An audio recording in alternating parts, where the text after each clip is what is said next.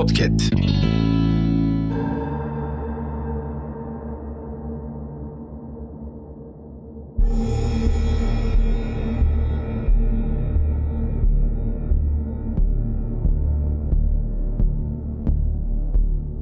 Konuşan ölü. Bir akşam yakın arkadaşım, aynı zamanda kuzenim Ayşe ve ben belgesel izlemek istiyorduk. Ve bu yönde karar kıldık.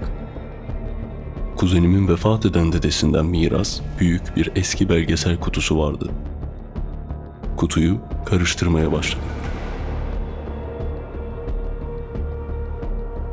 Fakat istediğimiz türde bir belgesel bulamamıştık. En son kutu boşaldığında elim kutunun sol tarafındaki bir yüksekliğe temas etti. Kutunun sol tarafında iki karton arasında bir şey sıkışmış bir kutu göze çarptı. Kutuyu yırttım ve yüksek kısma baktım. Bu bir CD kutusuydu. Üzerinde Ölülerin Yaşamı sıradan bir belgesel yazdığını gördüm.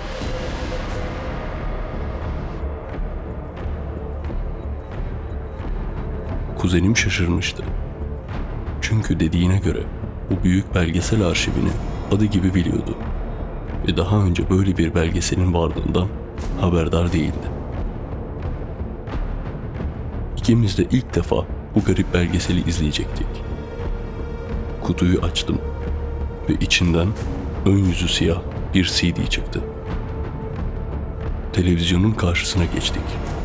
Daha sonra Ayşe CD player'ı açmıştı ve benden CD'yi takmamı istiyordu.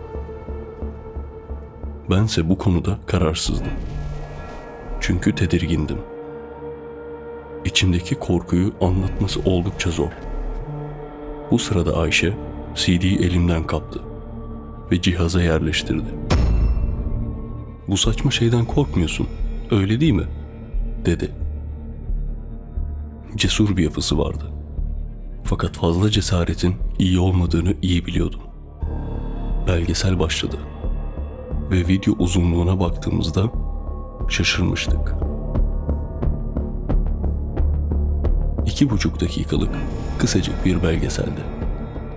Belki de geri kalan kısmı uzun zamandır orada olduğu için bozulmuştu.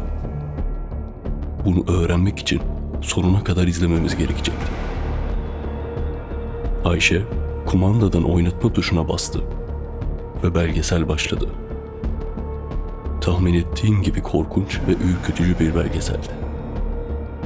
Ayşe ise öylece gözlerini dikmiş ekrana dikkatli bir şekilde bakıyordu. O anda ekranda fotoğraflar halinde mezarlar, cesetler geçiyordu. Kalbim yerinden çıkacaktı ve korkmaya başladım. Ayşe'nin cesurluğu bile yetmedi. 30. saniyede Ayşe tam kapatmak için kumandayı eline aldı ki bir ses konuşmaya başladı.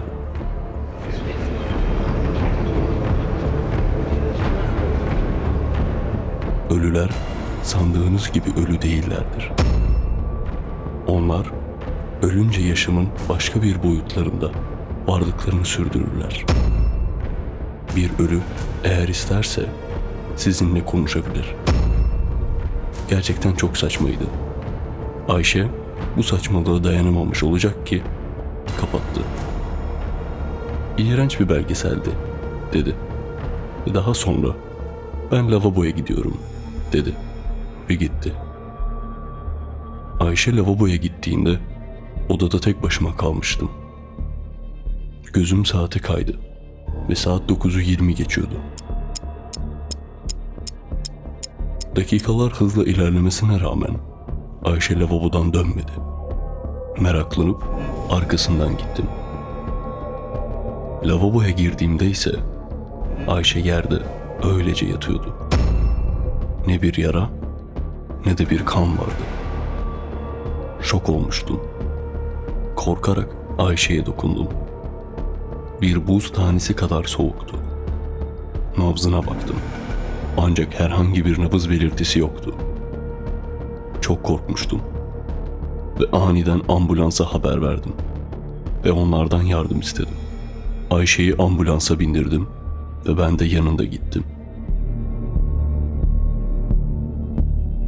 Kısa bir zaman sonra hastanede ölü olduğu anlaşılan Ayşe'nin üstüne beyaz bir örtü örttüler. Bense şoktaydım ve ağlıyordum. Bu sırada cesedi inceleyen uzman doktor yanıma geldi ve benimle konuşmaya başladı. Bu cesedi ne zaman buldunuz? Bu kişi öleli en az dört gün olmuş.